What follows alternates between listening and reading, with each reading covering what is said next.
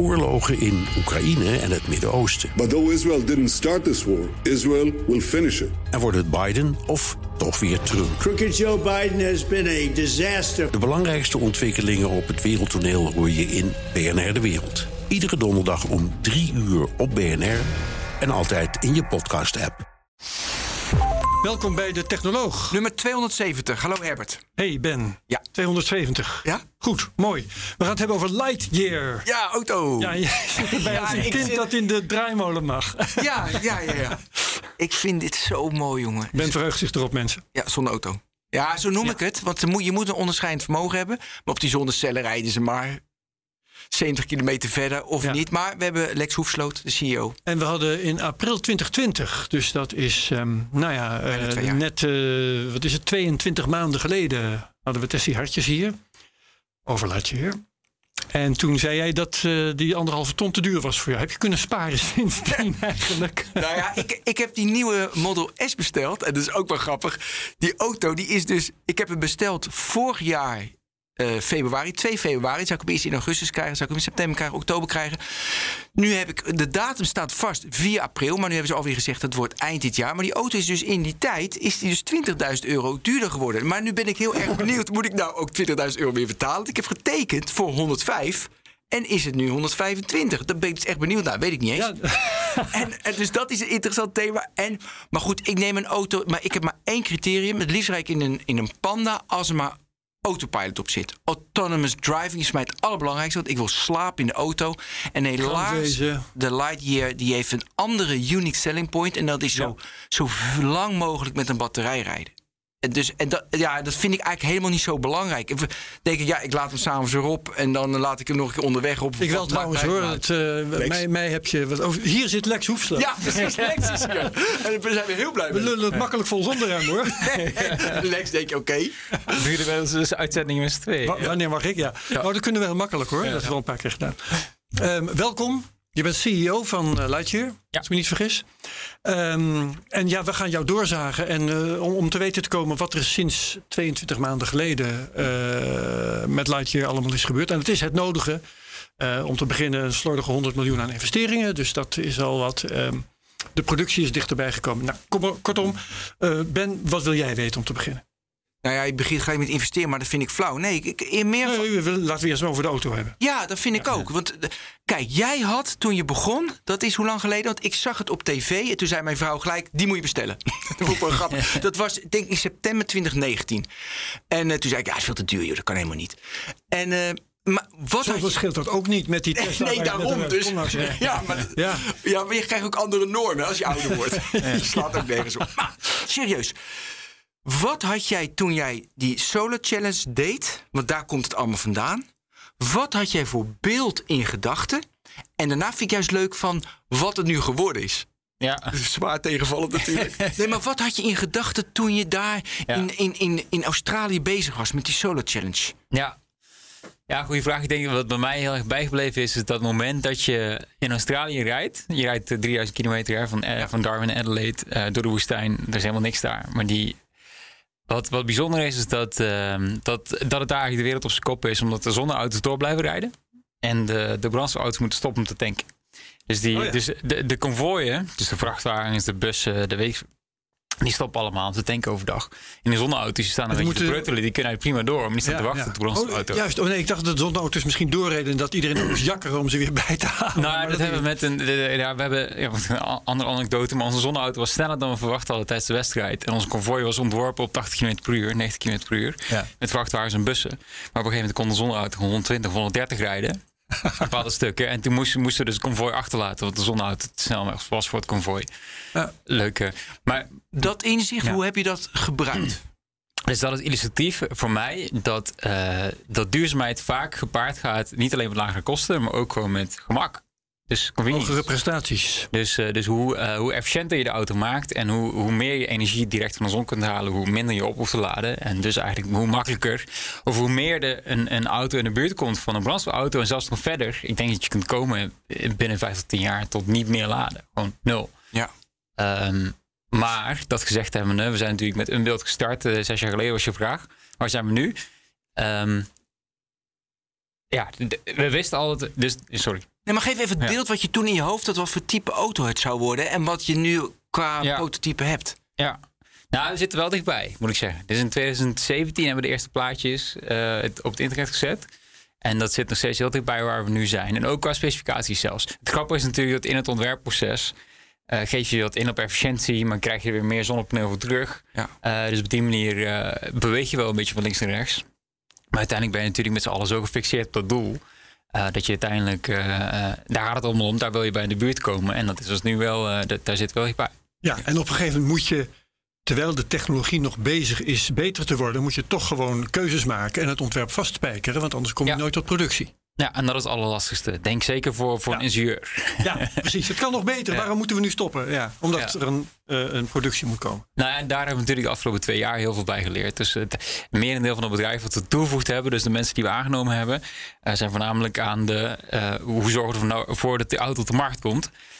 Dus dat is een deel ehm, eh, eh, eh, fabricage natuurlijk, assemblage, dat is, maar ook inkoop van onderdelen. Uiteindelijk werk je. We werken nu met 100 toeleveranciers samen ongeveer. Zo. Die allemaal eh, op hun stuk op het juiste moment hun componenten aan de productielijn moeten aanleveren. Dus dat is een gi- gigantisch soort van orkest dat we nu aan het opstarten zijn eh, richting productie. Dus Wanneer begint de productie? eh, september. Dus, nu is september, dus over een iets meer dan een half jaar. En eh, dus dat komt, kijk, voor ons is dat super dichtbij. Voor, voor de gemiddelde Nederlanders dat voelt dat misschien nog redelijk ver weg. Maar dus als je nu niet al volgende weer bent met alle toeleveranciers om die datum te halen, dan haal je het nu gewoon niet. Dus eh, Nee, maar voorlopig lijkt het erop dat jullie het wel halen. In Finland, hè? ja, dus in Finland gaan we produceren. Ja, kun je die keuze ook uitleggen? Ja, dus we zijn op zoek geweest naar. Uiteindelijk zijn wij natuurlijk goed in de, in de technologie. Dus we hebben afgelopen vijf, zes jaar vooral gefocust op wat is die technologie die nodig is om het mogelijk te maken. Eh, die ontwikkeld. Ja, maar even een vraag. Want Ja. je zegt, ik heb 100. Als je 100 toeleveringsbedrijven hebt, Ja. Ja, dan zou ik ook denken, ja, je doet eigenlijk, ja, je, je verzint hoe het aan elkaar, de Lego-blokjes bij elkaar moeten komen. Dus je bouwt die Lego-blokjes nu straks in Finland bij elkaar. Dus wat je doet, je bent de coördinator van al die Lego-blokjes Ja. die in elkaar zitten. Nou, ja, dit is, dit is natuurlijk onderscheid tussen enerzijds eh, eh, produceren en ontwerpen. Dus veel van de ontwerpen doen we zelf. En dat En het geef je dan aan de producenten, zeg je ja, van, precies. dit moet jij maken. Dat is het, ja. Dus, eh, maar dan nog steeds een groot deel ga je natuurlijk niet heropnieuw uitvinden. Dus hoe je een exterieur maakt, hoe je een interieur maakt. Natuurlijk kun je het wel op de Lightyear manier doen. En dat doen we ook. Maar niet fundamenteel anders. Eh, dus je, wil ook niet overal het wiel opnieuw uitvinden. Dus eh, we werken dus ook samen met de andere... Dus engineeringbedrijven om het exterieur en het interieur te doen, bij wijze van spreken. Zodat wij ons kunnen focussen op technologie. Maar de productie vindt elders plaats. Omdat dit, Ja, en die keuze, op- eh, en die keuze voor Finland, waarom niet een Hollands trots netcar, wat je dan toch moet zeggen? Die kwamen Nou, in aanmerking, hè? die waren in beeld volgens mij. Ja, zeker een hele terechte vraag. Dus we hebben, er, zijn, er zijn drie grote in, in Europa die het kunnen. Ehm, en eh, daar is VDL er inderdaad één van. Uiteindelijk is het gewoon een lijstje geweest van Netcar. 20, eh, 20 criteria die je langsloopt. Het grote voordeel van Finland is dat ze al ervaring hadden met elektrische auto's. Dus al eerder elektrische auto's gebouwd hadden. En, ehm, eh, eh, en, ja, en, en daardoor voor ons een nieuwe goede match zijn in deze fase. Dat neemt niet weg dat het in de toekomst anders kan zijn. Hè? Dus in de toekomst eh, staan we open. En wat voor criteria zijn dat dan? Dus al een keer gebouwd hebben, wat nog meer van die 20? Nou, sustainability natuurlijk. Heb je een goede klik? Is er, de prijs is natuurlijk ook een, een punt. Eh, ehm, eh, het- hebben, ze, hebben ze al een set toeleveranciers waar ze mee samenwerken? Werken de systemen, de software systemen met elkaar? Dus de, ja, kan nog wel even doorgaan. En dan betaal je dus echt per auto. Jij betaalt kostprijs per auto. Ehm, ja, de precieze contract daar kan ik niet Nee, maar ik ben gewoon delen. benieuwd hoezo. Maar inderdaad, het, het- je hebt verschillende modellen. Dus je kunt natuurlijk ook. eh, je kunt werken op een manier waarbij je echt een partnership hebt en eh, er samen instapt. Ehm, eh, zij ook een deel van de, van de bij spreken, het opbouwen van een productielijn mee betalen. Maar je kunt, ja, je kunt overal de grens neerleggen. Dus het, doen ze puur bouwen van de auto. Ja? eh, of eh, eh, doen ze ook een stuk supply chain erin mee, et cetera. Maar heb nu- jij ja. mee geïnvesteerd in de productiefaciliteiten of niet? Ehm, Omdat dat heel lastig is, heb ik wel eens gehoord. Ja, nou, geluk is dat we hebben bij deze, bij de Lightyear One, is dat veel handgemaakt is. Dus, nou goed, handgemaakt is een groot begrip. Eh hand geassembleerd, dus we hebben geen volledig automatische productielijn voor de Lightyear One. Eh, omdat het een klein volume is, hoef je dat niet te doen. Hoeveel moest je er maken? 900 Dus zo. de, dus de 946 inderdaad. En waarom 946? Ja, omdat het, het is een lichtjaar, dus een, Ah. is een afstandsmaat. En dat is 9,46 Mooi, mooi, biljoen kilometer. Luister eens even. eh, ik onderbreek je, want stel dat. Stel, eh, ja, nee. Stel dat de vraag eh, opeens de lucht inschiet. Ik begrijp dat je nog kunt reserveren. Dat betekent dat de vraag niet de lucht in is geschoten. Nog. Maar stel dat dat gebeurt. Waarom zou je het dan laten bij 946 exemplaren? Je bent toch gewoon een bedrijf. Ja, Je wilt toch gewoon winst maken? Terechte vraag, ja. Ehm, dus onze focus is echt, dus onze missie is schone mobiliteit voor iedereen. Dus Ja. onze, eh, al onze efforts nu zijn gefocust op, oké, wat is wat zijn de beste stappen die we nu kunnen zetten om zo snel mogelijk te komen bij een veel grotere markt. Ehm, en daarvoor hoeven we dus niet eh superveel Large Ones te, te bouwen en, en te verkopen.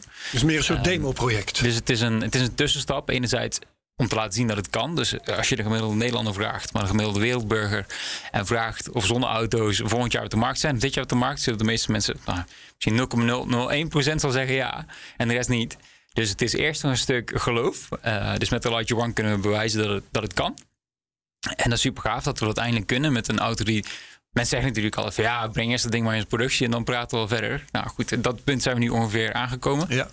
En vanuit daar ehm, eh, dat bewijs leveren. Dat is natuurlijk ook belangrijk voor investeerders. Hè? Dus investeerders investeren het liefst in iets wat zeker is. Ehm, nou, dat kunnen we dan ook laten zien. En anderzijds eh, eh, leren. Dus ehm, weten hoe, de, hoe zonauto's gebruikt gaan worden. Dus het eh, parkeren mensen op de juiste plek. Kunnen we daarbij helpen? Eh, eh, wat doen de verschillende condities? Warmte, kou, et cetera. Dus eh, Parkeer op de juiste plek. Liefst op een plek waar geen schaduw is, bedoel jij waarschijnlijk, of niet? Nou ja, en dat is natuurlijk ook wel een belangrijke. Dus de mindset die we mensen mee willen geven als die auto gaan rijden, is dat het. eh, eh, dat zonne-energie een bonus is. Dus dat Mhm. het überhaupt dan een elektrische auto is natuurlijk met veel actieradius. eh, die Want je snel kunt hem ook opladen. Ja, je kunt hem normaal opladen met Ja. een snellader of een normale lader. Ehm, dus het is fundamenteel al een goede elektrische auto met 725 kilometer range. Eh, maar erbovenop krijg je de zonne-energie als bonus. Dus, Ja. En zo moet je ook voelen. Dus je, de- als je terugkomt na een dag werken bij je auto, dat, dat er ineens weer alsof er een, iemand met een jerrycannetje benzine lang is gekomen die meer volgeladen heeft, zeg maar. Ehm, en, en ja, dat gevoel is denk ik wel magisch. Maar het moet blijven voelen als een bonus, niet als een, Ja. als een, als een noodzaak. Maar over die productie en die aantallen.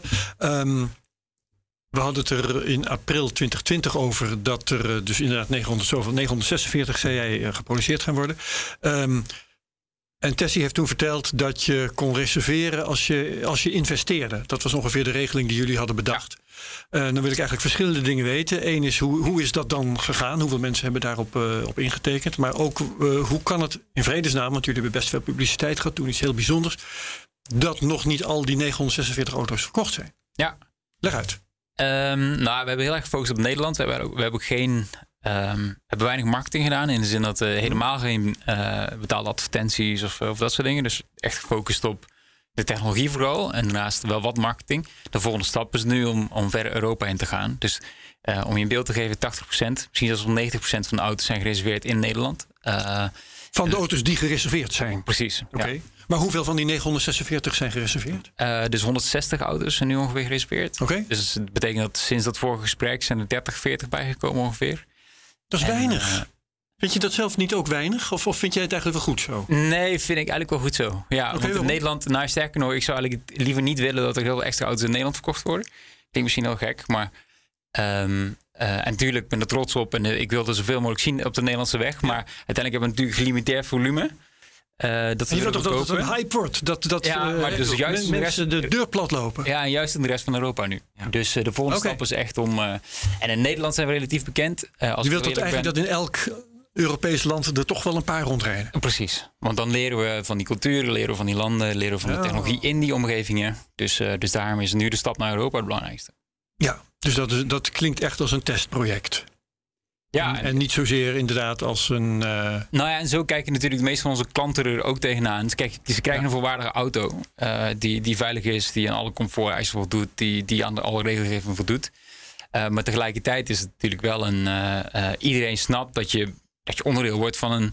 Van een, eh, ja, wat is het? Van een missie. familie. Ja, Nee, van een beta. eh ja, ja, dat ken net zoals Tesla. Ja, ja, ja, ja. Ben je dat ook? ja. Tesla Roadster, hè?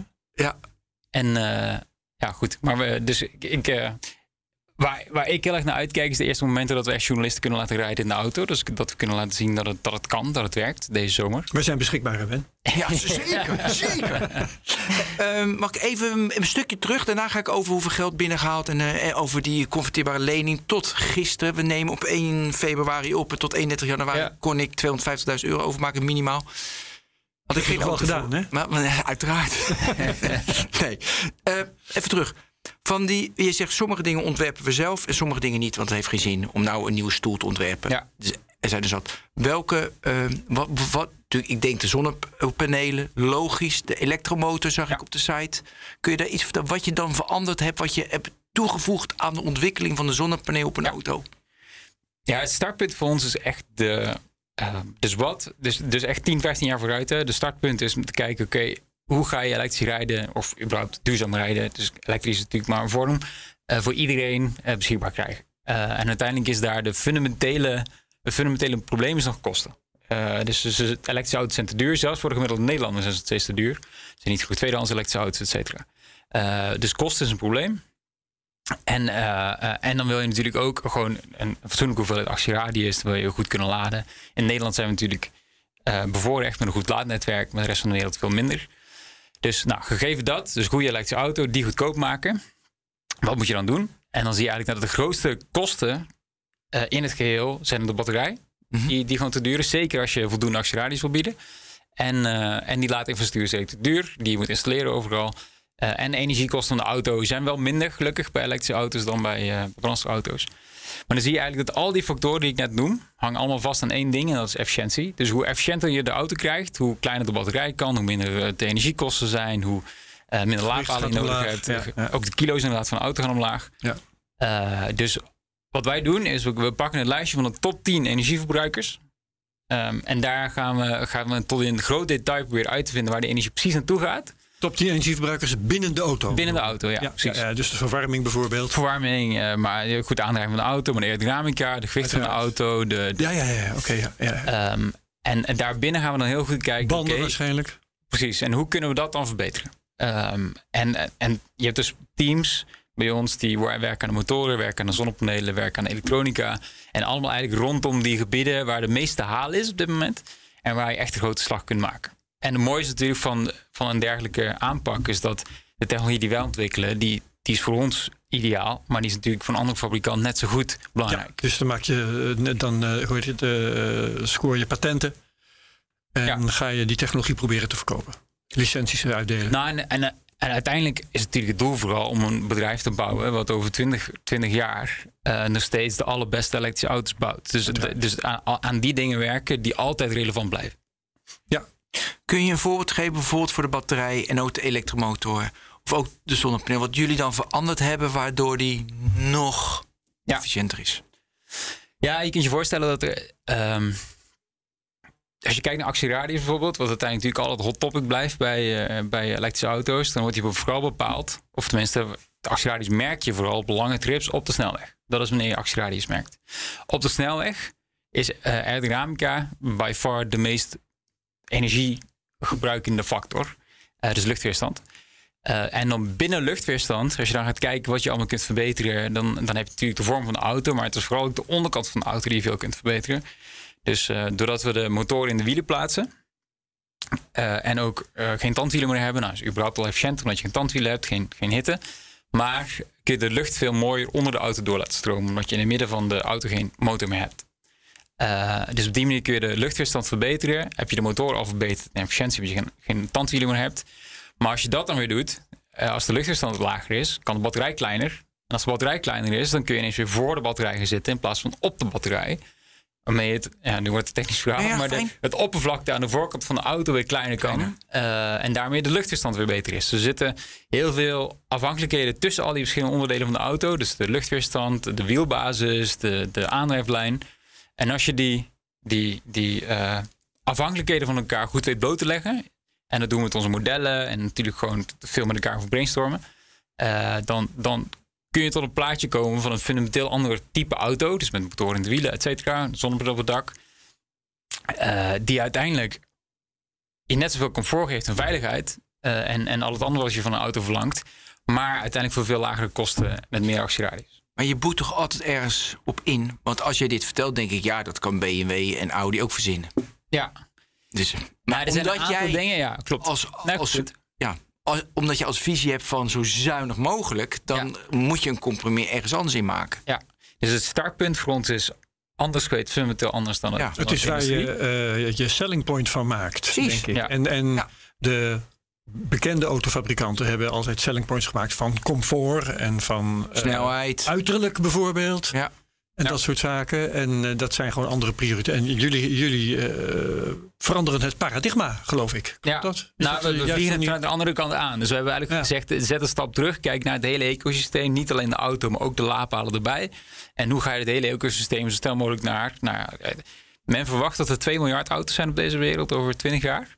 Eh, nou, die 2 miljard auto's moeten dus allemaal elektrisch zijn. Het is niet even... eh, het zijn er nu 7 miljoen, geloof ik. Dus we hebben nog een gigantische weg te gaan. En wat is er voor nodig om, eh, om, om daar te komen? En nou, we hebben inderdaad een andere invalshoek gekozen... waar we zeiden, oké... We beginnen met een klein batterijpakket en dan proberen we daaruit zoveel mogelijk acceleraties te krijgen. In plaats van wat de industrie gedaan heeft. Als je met een groot batterijpakket begint, dan, dan heb je inherent al een zwaardere auto. Heb je inherent al meer luchtweerstand omdat die auto groter is. Dus dan, Ja. dan kun je alleen maar eh, de, de verkeerde weg bewandelen. Ja. Eh, het is wel zo, weet je, er zijn nu in Nederland 250.000 full electric auto's. In 2030, je, je had ook een whitepaper gemaakt, moeten er veel in Europa ook 85 miljoen, wat was het? Ja, Ja, dat ga je natuurlijk nooit redden allemaal. Ja, als, als, bij ons uppie bedoel je? nee, maar de hele industrie niet. De hele industrie. Ja, ik word zo opportunistisch. Ja. Nou, kijk, ik, Ja, jij moet ook hopen van wel natuurlijk. Ja, hè? Dus maar- uiteindelijk als wij, en dat vind ik ook heel erg belangrijk nu bij de ontwikkeling, en we vinden dat belangrijk eh, bij de ontwikkeling van het volgende model. Uiteindelijk gaat het natuurlijk om die groep mensen die nu zegt, of zelfs in 2025 nog steeds zegt, ik hoef niet elektrisch te rijden vanwege X, Y, Z. Nou, dan willen wij weten, wat is X, Y, Z? Dan gaan we die oplossen. Ehm, dus, dus daar zijn we heel erg op gefocust. En het betekent eigenlijk dat we misschien zelfs eh, eh, achter de klantengroepen aangaan. Eh, die niet per se duurzaamheid heel erg op staan. Maar die willen we liefst wel een hele duur- duurzame auto verkopen. Omdat die gewoon beter is dan datgene wat ze anders zouden kopen. Ja, maar ik wil toch weten nog waar je op inboet. Ja. Nou, als je kijkt naar het lijstje, dus ik had het Y, Z, waarom ze geen elektrische auto gaan kopen, dan staat daar nooit acceleratie bij. Dus de acceleratie is nooit een probleem voor mensen. En nu wel vaak een unique selling point van elektrische auto's.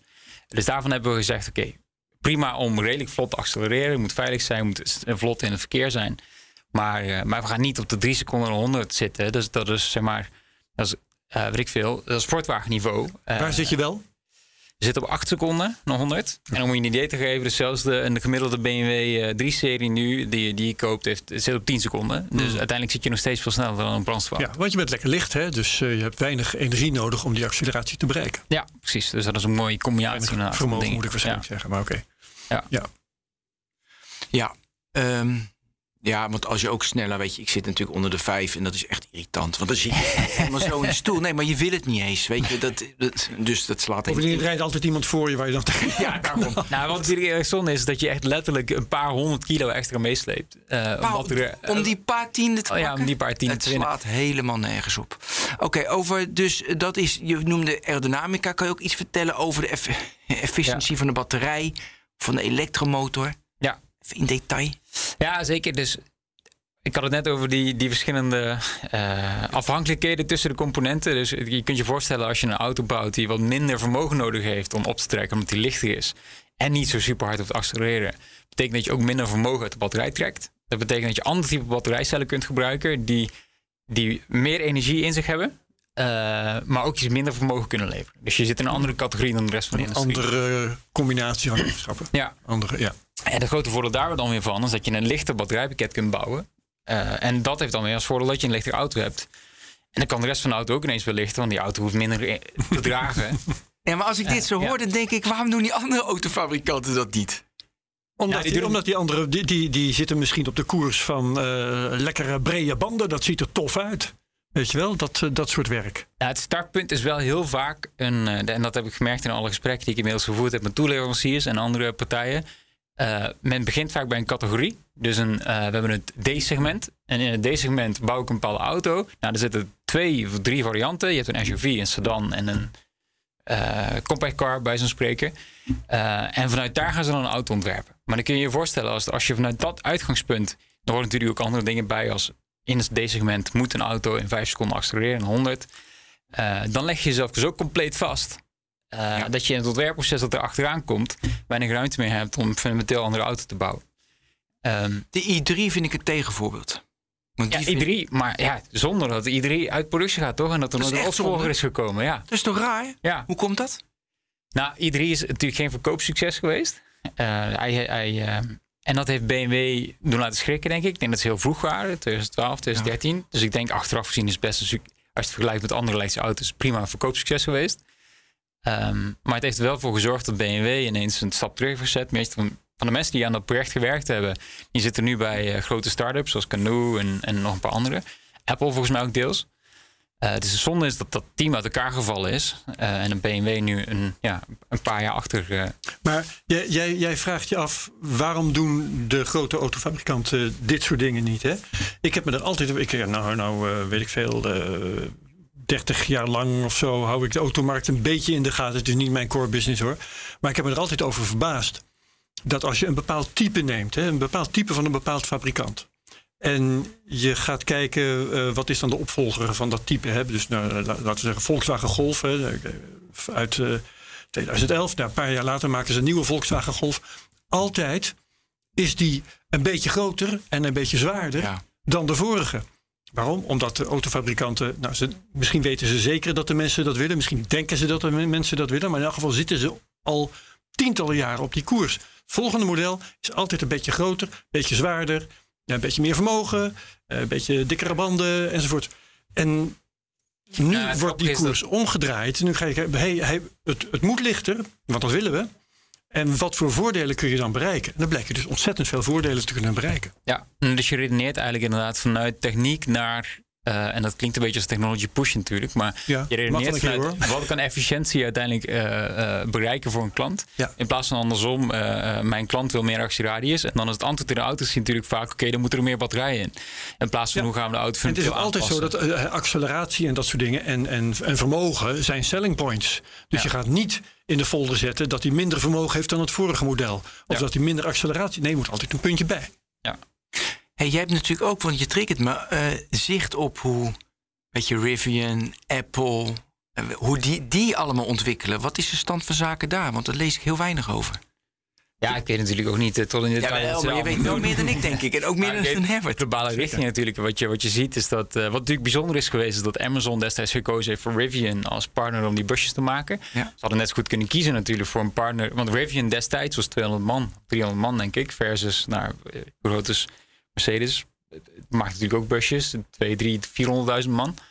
Amazon heeft destijds gekozen voor Rivian, omdat ze merken dat, dat je daarmee snelheid kunt maken. Dus met een start-up, ondanks dat ze de ervaring nog niet hebben, heb je al meer snelheid. En eh, wat, wat we bij onze toeleveranciers merken, Snelheid in het eh, productieproces of zo. ontwikkelproces. Ontwikkelproces, ontwikkelproces, productieproces. Ja, ja, ja. Ehm, en, dat, eh, en die snelheid is nu alles in, in, in de huidige. in de huidige iedereen is natuurlijk nu op een, op een gigantische vaart die transitie aan het maken van, van A naar B. Eh, en als je nu kijkt naar de waardes van autobedrijven, dan kun je een beetje zien wat, wat de beurs denkt over wie Rivian het is meer waard dan. Ford, geloof ik, hè, nu. Wat zeg je? Rivian is meer waard dan Ford. Ja, klopt. Dat is niks maken. Ja. ja. Oké. ehm, Nou ja, ik vind wel even eh, eh, hoe komt dat? Ja, ik heb wel een idee, maar ik vind het leuk om uit jouw mond te horen. Nou, zelfs de reden dat, dat Tesla meer waard is dan General Motors. Maar Ja, het nou ja, wat natuurlijk interessant is als je kijkt naar de, de? Dat waarde van autobedrijven, dan heb je natuurlijk, eh, die- als je ziet, ik heb heel veel respect voor wat Volkswagen aan het doen is. Hè. Ze, ik bedoel, eh, ze gaan all-in op elektrisch, als een van de eerste. En ze zijn meestal, meestal een, een eh, fast follower geweest. En nu zijn ze toch een beetje een leader in het, in het veld. Ehm, maar, maar je ziet dat de vakbonden bijvoorbeeld een hele grote juist tegenpush zijn naar elektrisch. En veel van de, Oh, elke oh, leg autofabrikant uit, heeft leg uit. Wat hebben Nou vakbonden het tegen elektrisch? Het heeft natuurlijk banen. eh, Omdat je ze elektrische auto's met minder eh, ja, arbeid met- kunt maken. anders. Andere, andere, dus mensen die, die Andere kennis hebben van. Oké, andere, eh, eh. En dat is natuurlijk een reëel probleem. Hè? Dat hebben we als maatschappij om mee te dealen. Maar dat mag natuurlijk niet eh, eh, verduurzaming in de weg staan. Nee. Eh, en dat zijn.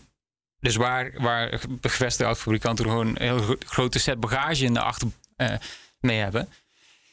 Eh, he- hebben partijen als Rivian en, eh, en, en Apple trouwens ook natuurlijk, hebben die niet. Dus die, die kunnen meteen volle vaart het juiste doen. In plaats Ja. van nog bezig zijn met het is van gezeik. Ja, Legacy hebben ze geen last van.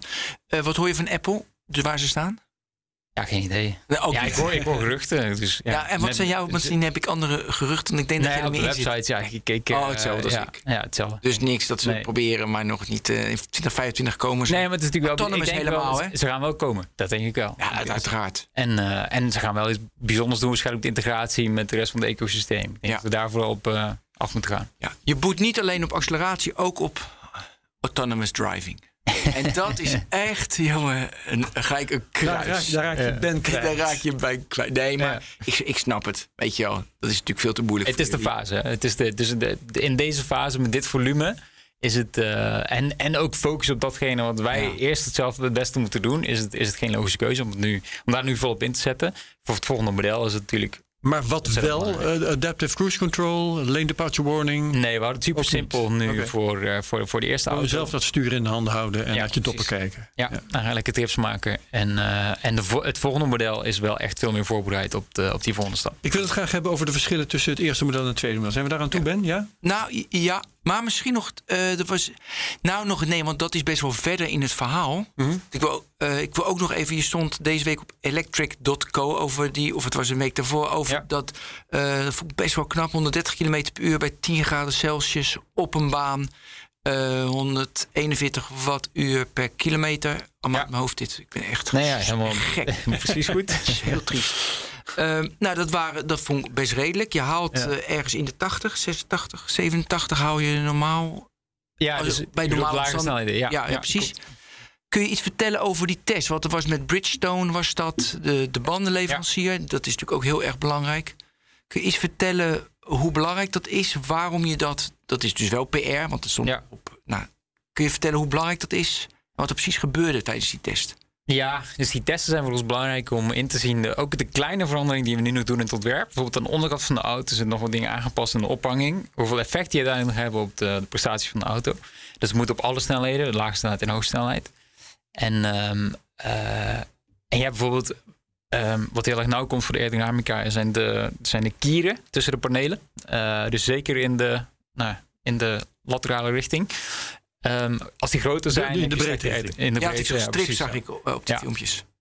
En, eh, en te testen hoeveel impact dat heeft. eh, maar vooral ook om te kijken hoe we dat goed kunnen krijgen in productie. Dus dat zijn de dingen die je nu nog gaan testen.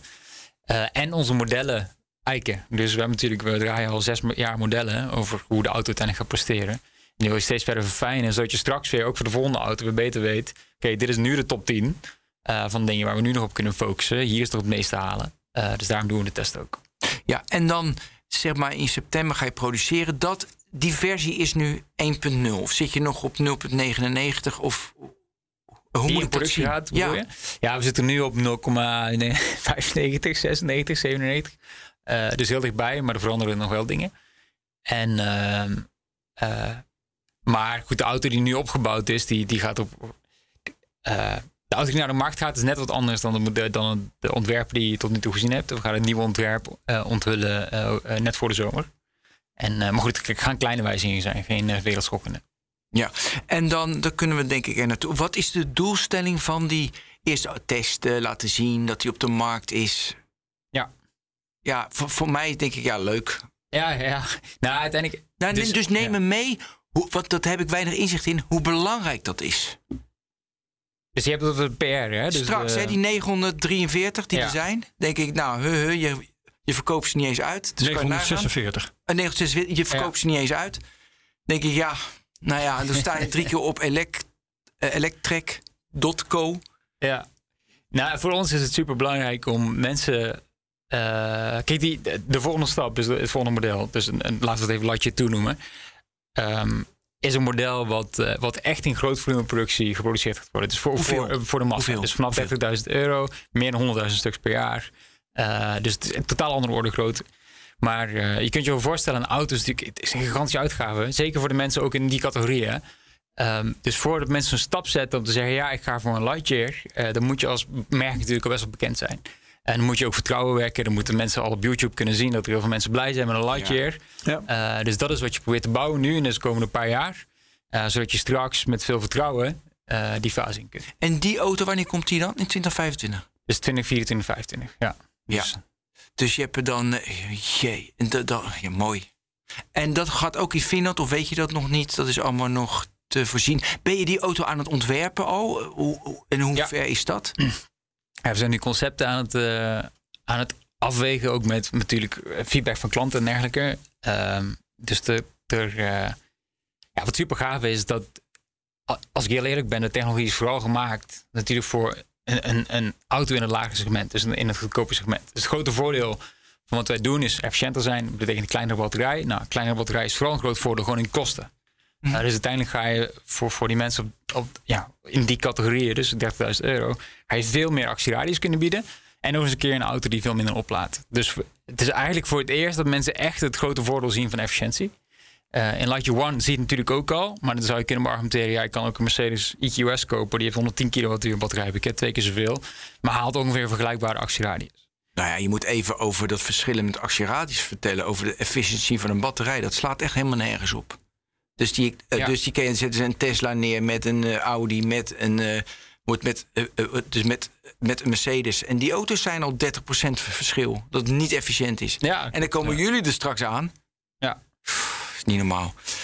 Oké. Ehm, De verschillen tussen die modellen. ja. Want er komt dus eh, een, eh, een oplage van een kleine du- 946 Ja. Ehm, van model 1. Eh, een, een demoproject, een beta-versie, zeg maar. Ja. En eh, de plannen voor eh, het echte productiemodel liggen dus al klaar. Zeker, ja, ja, daar zijn we nu mee bezig. En wat in deze fase heel belangrijk is, is om heel vroeg de toeleveranciers al aangehaakt te krijgen. Dus Ja. als je over drie jaar een, een auto in groot volume wil gaan produceren, dat betekent dat je nu al batterijcellen, dat je nu al autonoom rijden, dat je nu al al die toeleveranciers aan boord moet hebben om, eh om snelheid te kunnen maken. Autonoom rijden, zei je? Ook, ja. Ook je auto zit erin. in. Nou dan. Maar ehm, oké.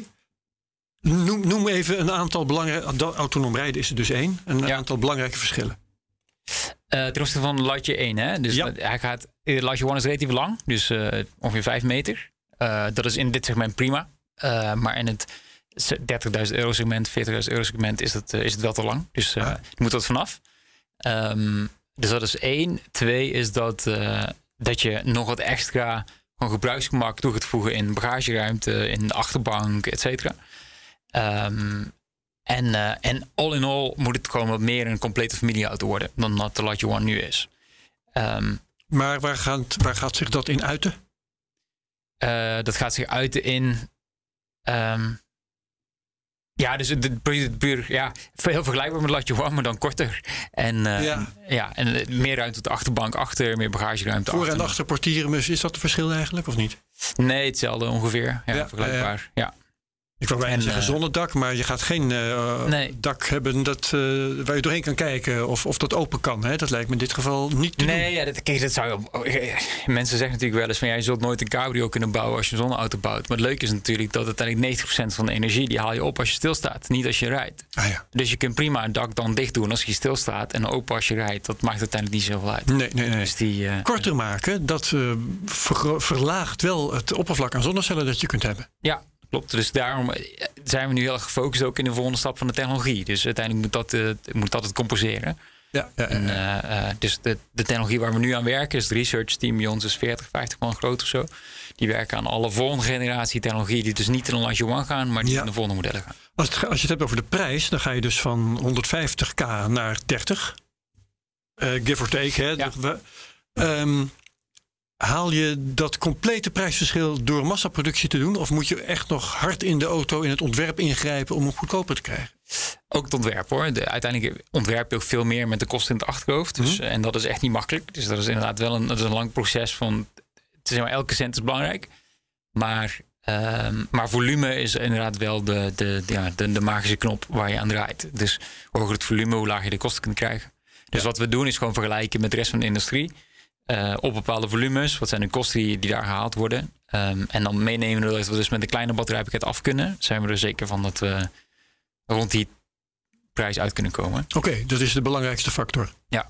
ja want ehm, je weet, eh, als ik het goed heb begrepen van eerder in deze podcast, je weet nog niet waar je dat nieuwe model laat maken. Finland of Netcar was ook nog eh, on the table. Hè? Ehm, dat is natuurlijk ook nog een belangrijk eh, knop om aan te draaien. Ja. Wie je het laat doen. Ja, Misschien wel een of andere Chinese fabrikant. nou, wie weet, ja. Subsidie, jongens. Tesla, Subsidie. su- ja, Tesla kon alleen maar groot worden dankzij subsidie, subsidie, subsidie, subsidie. Ja. Dat is natuurlijk waar. Dus ja.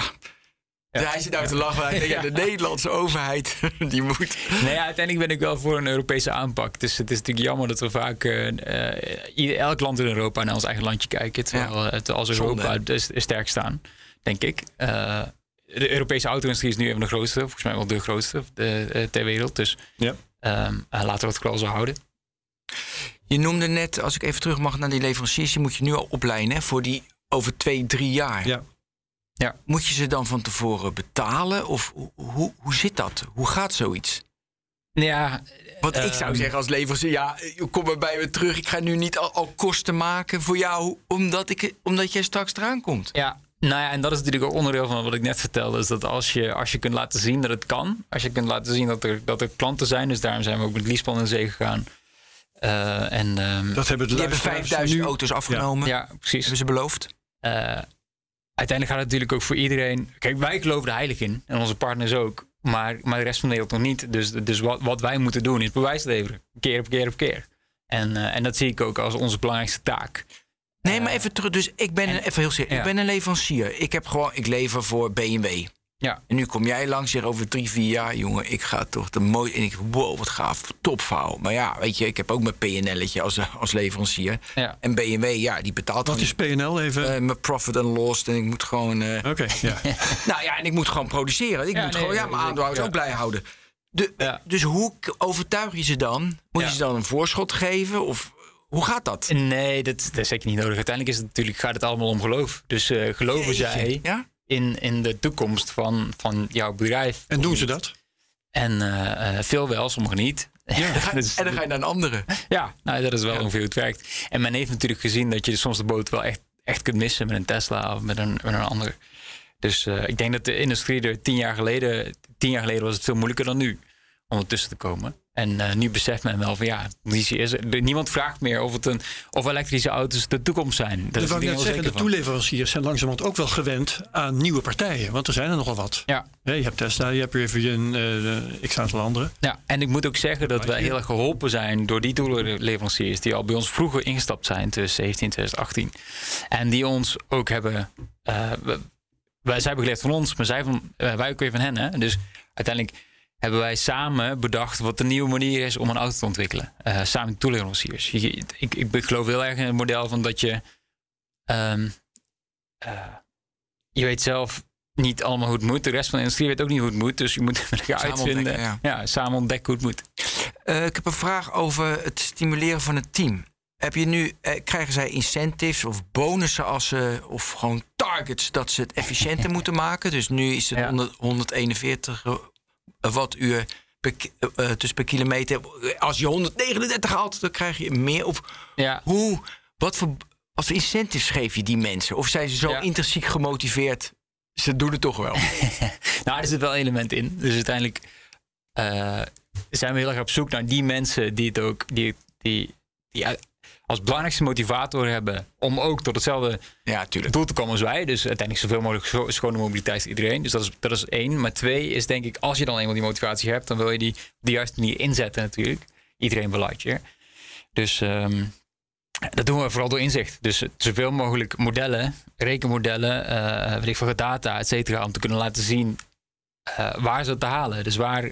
dus waar Nee, maar je kan natuurlijk Ja. stellen van jongens, je zit nu op 141. Ja, Voor het jaar 130, anders vlieg je eruit.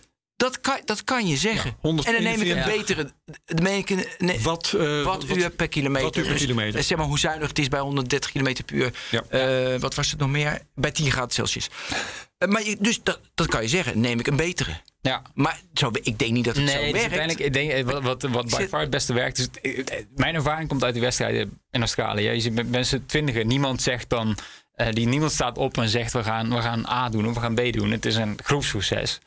En uiteindelijk, eh, iedereen zit daar om het de beste eruit te persen. Niemand zit daar om, om te zeggen, ja, laten we het even iets makkelijker maken voor Ja, onszelf. maar je kan zeggen, we moeten goud halen daar in Australië. En Ja. als er één toch niet, dan flikkeren we die gasten uit. Want ik heb een beetje in de plaats dat we wel goud winnen. Nee, even, Ja. even ik bedoel, die, Nou, in de businesswereld is hard. ieder- als iedereen ik geloof wel echt, iedereen moet dezelfde passie hebben om tot het uiterste te gaan. Om, om iedereen in het team dezelfde passie. eh, om een goed werkbaar team te hebben. Als, je, als er één de, de kansje ervan afloopt, en dan werkt het niet. Dus die, we nemen, aan de poort zijn we natuurlijk streng. Alleen de mensen die, die er vol voor willen gaan. Ehm, en anderzijds, als, ja, je merkt snel genoeg als het niet helemaal past. Als iemand niet volgedreven is om, om het beste neer te zetten. Dus dan, Ja, als ik dit vergelijk hoe eh, Elon Musk over mensen snel eruit, omdat ze net niet doen om dat goud te halen wat hij denkt dat moet, die, is, Ja. die is vrij makkelijk. Nou ja, ik, de reden dat ik het op deze manier, dat deze manier eh, gezonder is, is dat je uiteindelijk eh, de creativiteit van iedereen nodig hebt. En als je, als je een angstcultuur creëert, dan gaan mensen niet meer dingen, dan gaan experimenteren, is het dan niet niet op bij. zaterdagavond eh, doorgaan, want het is zo gaaf. Want ik heb inderdaad. Ja, dat enerzijds 140. intrinsieke motivatie sla je daarmee weg natuurlijk. Maar anderzijds is het ook, mensen moeten vooral heel veel dingen kunnen proberen om, om iets nieuws te bedenken. Ja. En als je dat eh, met een angstcultuur eh, eruit, ja, dat is niet slim. Nou ja. Interessant. Ja, nou ja, laat maar zien dat het anders kan. Nou ja, dat, dat is leuk nu, want nu is experimenteren. En hoeveel geld heb je totaal nu opgehaald? Is het eh, 380 mil- miljard? Nee, miljoen? Of nee, is van 60, 70? Nee, het is 150 miljoen ongeveer. Jeetje, man. Dat is toch niet... Vind ik zo knap. Ja, Ja, dat is echt in Nou, wat, Nederland. wat, men natuurlijk, eh, wat, wat de voet zonder bij te bedenken is dat ehm, de auto-industrie is de grootste of een van de grootste industrieën ter wereld.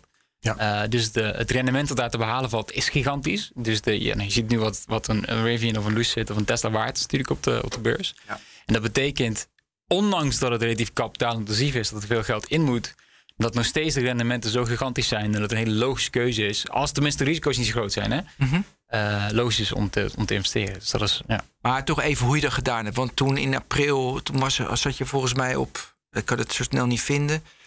Ehm ik heb 93 miljoen staan in 2021. 21. Ja, dat moest je op gaan halen volgens mij. Maar goed, even het proces van het Ja. ophalen. Want dat is denk ik ook leerzaam voor Ja. ons allen. Want Eh, niet veel mensen lukt dat. Goeie wat, wat voor ons belangrijk is geweest, is elke keer met elke euro die je ontvangt, eh, die euro stoppen in datgene wat het, wat het meest de risico's elimineert die in een project zitten. Nee, maar dat is als je hem al hebt, die euro.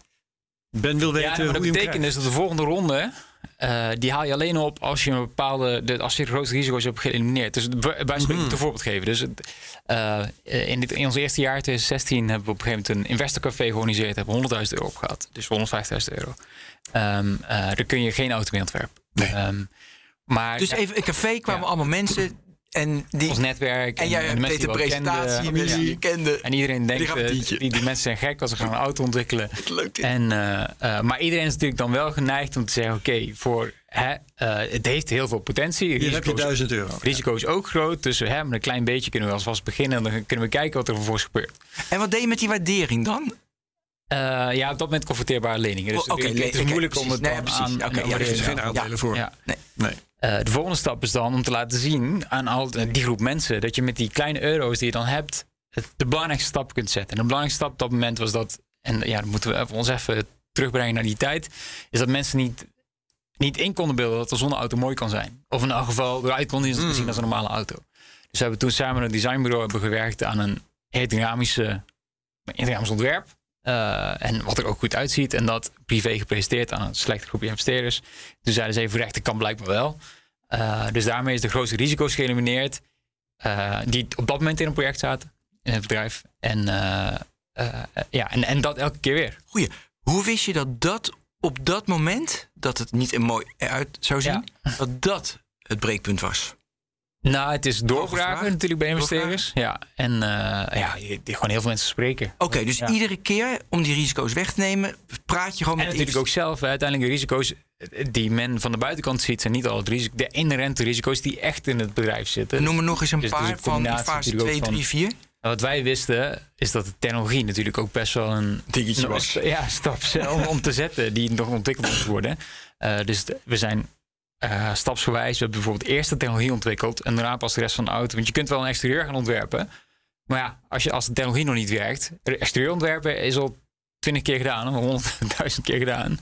Eh, dus dat, dat komt wel. Maar die motoren, dat is nog nooit gedaan. Dus dat moeten we eerst doen. Eh, dus, dus ja, op die manier de euro is steeds stoppen en datgene wat het meeste... Ja, en hoe bewees je dan, de- want het is technologie, dat is minder zichtbaar dan een auto. Hoe Ja. bewees je dan dat die technologie zo ver ontwikkeld was dat het wel onderscheidend was? Nou, dat is die test vorig jaar natuurlijk ook geweest. Vorig jaar hebben we een test gedaan. Hebben we 700 kilometer op een 60 kilowattuur batterijpakket gereden. Uh, dus op bewijs er was ook een, iemand bij om Daarom te keuren dat het was. test nu met die uh, 10 graden enzovoort. Ja, en daar dat, moet je laten dat zien. doe je kan. constant. En, uh, maar de rest van de auto was dat moment er niet heel ver uitontwikkeld. dus daar zijn we nu veel verder in. Maar dat is wel ja, de manier waarop we dan stapsgewijs op die manier elke keer het bewijs, risico er vanaf. Daarmee kun je meer geld ophalen. En wat voor uh, voorwaarden zitten er aan die 93 miljoen van uh, afgelopen jaar bijvoorbeeld? Nou ja, dat geld is bestemd natuurlijk om de Lightyear One in productie te krijgen. Dus dat is, dat is het doel. Mm -hmm. en, um, uh, en de volgende stap. En ons, kijk, ons zo maar is, is, dit ja. ook een, is het ook een lening of krijgen deze investeerders aandelen? Uh, die krijgen aandelen. Die ja. krijgen aandelen. Zeker. En wat is de valuatie dan in dat geval? Ja, valuering kan ik niet delen helaas. Maar die, oh. uh, misschien kunnen we het in de toekomst een keer doen. Ja, ja als je beursgenoteerd wordt. Ja. Ja. Toch? Ja, want ja. ja. dan moet je... Nou, soms daarvoor ook. Maar ja. dat ligt er een beetje aan. Ja. Um, maar doe nog even over dat vele geld ophalen. Dat is gewoon een rond. Want toen, ik, ik hoorde een keer bij de Big Five. Dus ging je een rondje in Amerika doen. Het is misschien wel even leuk om te vertellen hoe zoiets gaat. Um, ja, wat, wat me wel verbaasd heeft, is dat veel investeerders natuurlijk ook gaan op een. Uh, en ook wel logisch, zeker in de start-up wereld, vaak gaan op een onderbuikgevoel. Dus op een klopt dit? Dus de ondernemer die ik hier voor me heb, de, uh, dat, dat is toch vaak gevoel, intuïtie. Um, en, uh, en vervolgens, als er dan een, paar schapen over de dam zijn, dan volgen heel snel meer. Dus je, allemaal vriendjes. Dus het is allemaal, het is vaak ook wel gebaseerd op hype. We willen niet achterblijven. Ja. Nee, dus en ik denk dat dat eigenlijk wel, als ik heel eerlijk ben, heel vaak ook. Het wordt op een gegeven moment een self-fulfilling prophecy. Dus als je in de Silicon Valley zit en je krijgt uh, een miljard gestart, gestort op je bankrekening, uh, dan wordt er natuurlijk door die investeerders gezorgd dat er een goed managementteam zit en de juiste mensen aangenomen worden. Uh, en dan, dan maak je de markt. Dan, dan, dan creëer je het. Je ziet het nu natuurlijk vaker gebeuren met andere startups. Het is niet altijd een succes, maar als je dat maar breed doet in tien verschillende startups, is er inherent één die de winnaar gaat zijn. Maar je hebt ook, weet je, family offices zitten volgens mij in Nederland in. En die maken dan contact met kennissen in Amerika. En dan ga je langs, doe je je pitch, laat je zien. En ja. ik heb zoveel nodig. En dan heb je die business case doorgewerkt. Want we moeten Finland betalen voor de productie. En dan, en dan zien ze, ja. oké, okay, we willen, we werken daar aan mee. Ja. Ja, dus ja. Uiteindelijk gaat het natuurlijk om vertrouwen. Hè? Ik bedoel, als start-up heb je weinig getallen. We kunnen niet laten zien hoeveel omzet we draaien. Of hoeveel winst we, we nee. maken. Hoeveel uiteindelijk gaat het om uh, uh, een stuk vertrouwen wat je, wat je, ja, wat een investeerder jou moet hebben om, uh, om die stap te zetten. Ja, en het was altijd van, dus nu is het even voor de duidelijkheid, je gaat zelf die 100.000 auto's per jaar produceren en de technologieën die je maakt kan je ook aan andere autofabrikanten ook verkopen. Ja. Beide. Beide. Dat, ja. dat we dat helder hebben. Ja. Oké. Okay. Is dat proces al gaande eigenlijk? Technologie aan andere autofabrikanten verkopen of is dat nog te vroeg? Zeker. Nou, de, de, dus de Wat technologieën die, die het meest, uh, meest volwassen zijn. Ja. Uh, of nee, moet ik anders zeggen. Dus de technologieën die het snelst toepasbaar zijn op andere auto's, mm. die zijn natuurlijk het meest interessant. Dus men gebruikt over het algemeen nog geen inwielmotoren. Dus dat is, dat, is, dat is een gebied waar we misschien later de samenwerking op gaan zoeken. Voor nu is het vooral het zonnepaneel. Dus het, uh, het zonnepaneel is natuurlijk nu al heel makkelijk in te, in te bedden in, in een bestaande productieauto. Dus daar zien we de meeste interesse van. Eigenlijk van de hele industrie trouwens. Industrie en brengt het al geld in het laadje? Of is het nog in het stadium van... Uh, ja, allerlei gesprekken. Ja. Uh. Met, uh, maar, maar het is wel interessant om te zien hoe de industrie ernaar kijkt. De industrie ziet het wel als een no-brainer. Ja. Maar op die manier dat, dat het niet per se de auto aanpassen is... maar gewoon een, een paneel in de auto leggen. Ja, erop ja. Ja, dus erbij. Erbij, ja. Erbij? Dat je uitstapt en je zonnepaneel uitklapt? Nee, nee, sorry. Nee, nee, dus, nee. uh, dus dat, uh, dat ze de auto niet aanpassen, de, Ja. de, de, de ontwerpen van de auto niet aanpassen. Mhm. Ehm, maar gewoon een, een paneel in bestaande modellen leggen. Eh, Gewoon maar kofferbak. Dat ik in mijn kofferbak is Ja, nu... eh, zeker. Maar dat zwart. betekent dus wel, eh, wat je vertelt, dat eh, allerlei andere autofabrikanten op dit moment eh, het plan hebben om zoiets te doen. Ja. Om een eh, zonnepaneel op hun dak of op hun eh, klep te dat leggen. gaat er zeker aankomen. En als, als je het mij vraagt, dan zie je dat... eh, dus met de Lightyear One kunnen we best wel in de buurt komen van... Zeker in zonnige gebieden. In Italië bijvoorbeeld eh, hoef, je, hoef je zonne niet meer te laden... als je gemiddeld aantal kilometers rijdt. Ehm, en eh nou, Noord-Europa moet je iets meer laden natuurlijk... omdat we iets, iets minder zon hebben hier. Ja. Dus wij komen bijna tot die, tot die, tot die nul, bij zo'n spreken. Ehm, waar als je alleen een paneel legt in een bestaande elektrische auto... dan, dan is het echt misschien 5% minder laden. Dus het verschil tussen wat wij doen en wat de industrie doet... is zo, zo groot nog... eh, dat we daarmee zeggen: oké, dan is het ook geen gevaar om die technologie te verkopen aan, aan anderen. Nee, Moet je dat gaat jullie selling point niet aantasten. Nee. Nou ja, maar kijk, heel simpel. Als die accu 100 kilowattuur is en eh, het, het is 25 cent per eh wat kilowattuur, is jou, dat kost toch 25 euro om te laden. Nou ja, wi- win je iedere keer 2,50. Ja, dat is voor jullie niks, maar ik denk, neemt het gratis mee. Ja. Dus Nou ja, nee, dat is- niet gratis, want eh, op, eh, bij de aanschaf van de auto zul je toch moeten betalen. ja, dat, dat, dat- uiteindelijk krijg je... terug- Ja, precies, dat, moet je, oh, dat is ook weer waar. En dat is gewoon een kwestie van eh, rendement. Hè? Wat krijg je terug? voor- Dat hangt weer van je 2,50, gebruikspatroon hoeveel kilometers je rijdt. Ja, dat kun je heel ingewikkeld over Jeetje, doen. man. Zullen we naar het elektrische hoe het netwerk dat we hebben in de wereld? Want ik zag een, eh, een pilot met... Nou, misschien wil ik niet? eerst nog wel even weten, want ik zag eh, ergens iets en ik ben het alweer vergeten. Ik lees het uit mijn aantekening voor. De, er is een deal met NXP, de chipfabrikant. Wat houdt die in? Nou, je kunt je voorstellen, dat, ik had het net over die top 10, hè, dus de dingen die het meeste energie verbruiken. Ja. Elektronica in een auto verbruikt ook best wel wat energie. En eh, NXP krijgt natuurlijk ook aanvragen vanuit de hele industrie om die, voor iedereen wil minder energieverbruik van die chips. Eh, maar wij lopen het over het algemeen als we bij toeleveranciers komen, dan stellen we allerlei vragen die ze nog nooit gehad hebben. Eh, eh, omdat we toch weer het volgende niveau zoeken in energieverbruik. Dus daarom werken partners en NXP ook met ons samen, omdat we nog dat stapje verder zetten en dus ook weten waar de industrie over een paar jaar naar gaat vragen.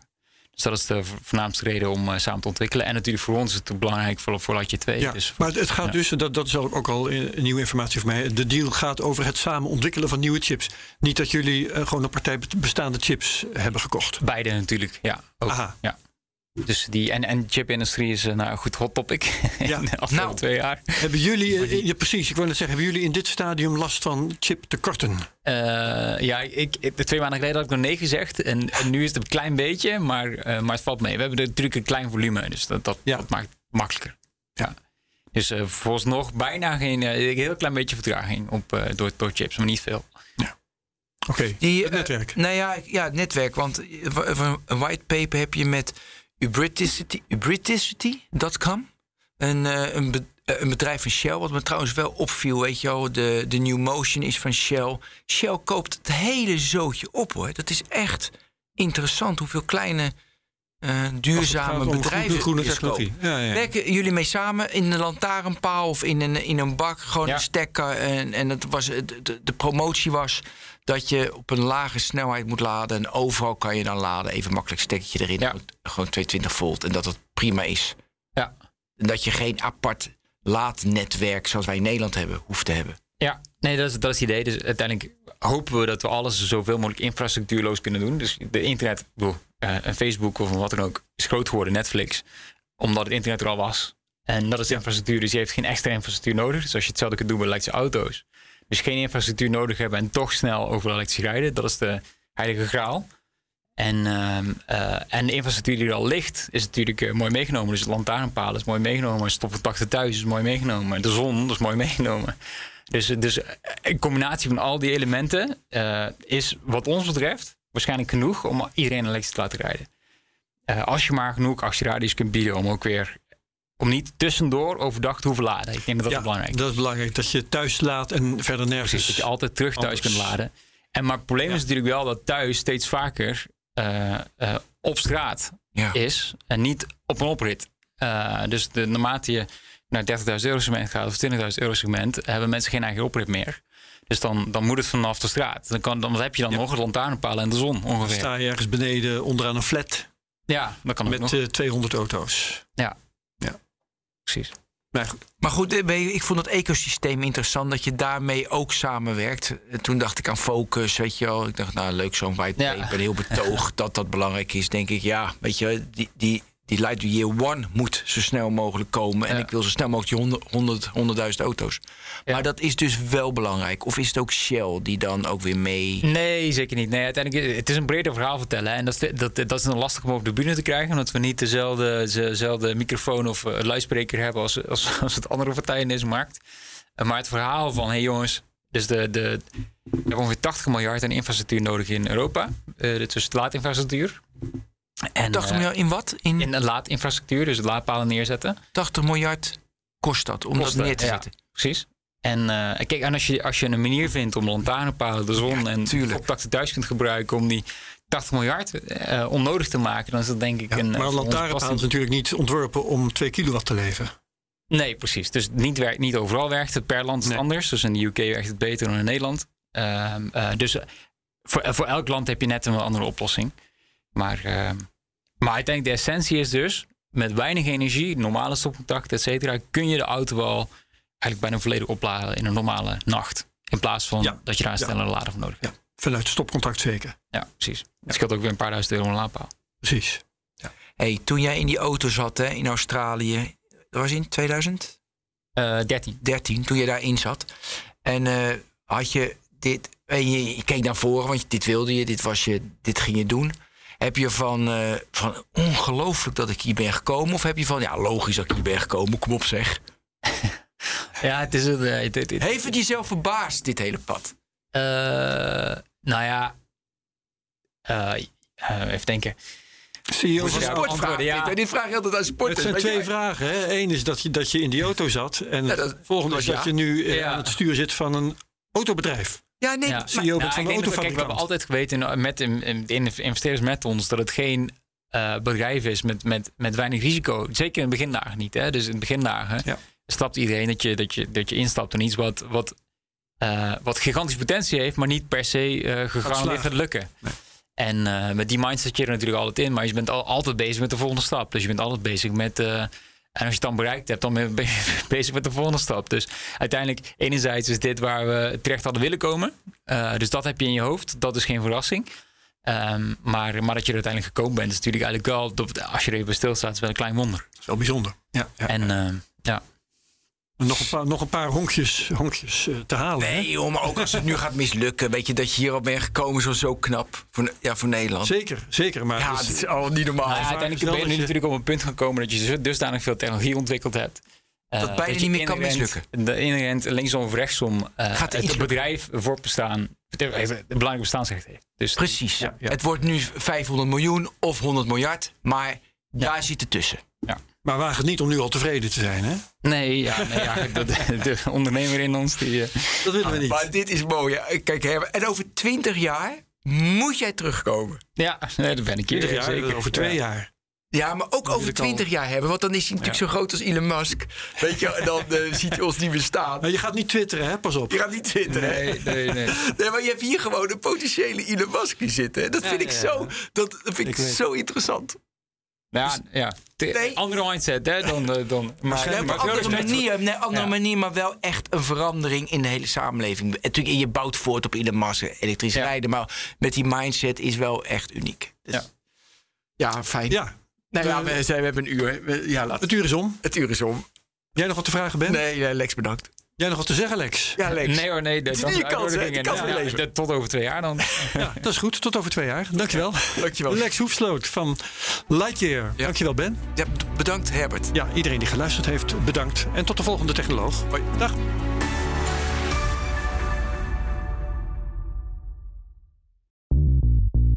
Bij BNR ben je altijd als eerste op de hoogte van het laatste nieuws. Luister dagelijks live via internet. Bas van Werven. En heel langzaam komt de zon op rond dit tijdstip. Je krijgt inzicht in de dag die komt op BNR, het Binnenhof in Nederland en de rest van de wereld. De Ochtendspits. Voor de beste start van je werkdag. Blijf scherp en mis niets.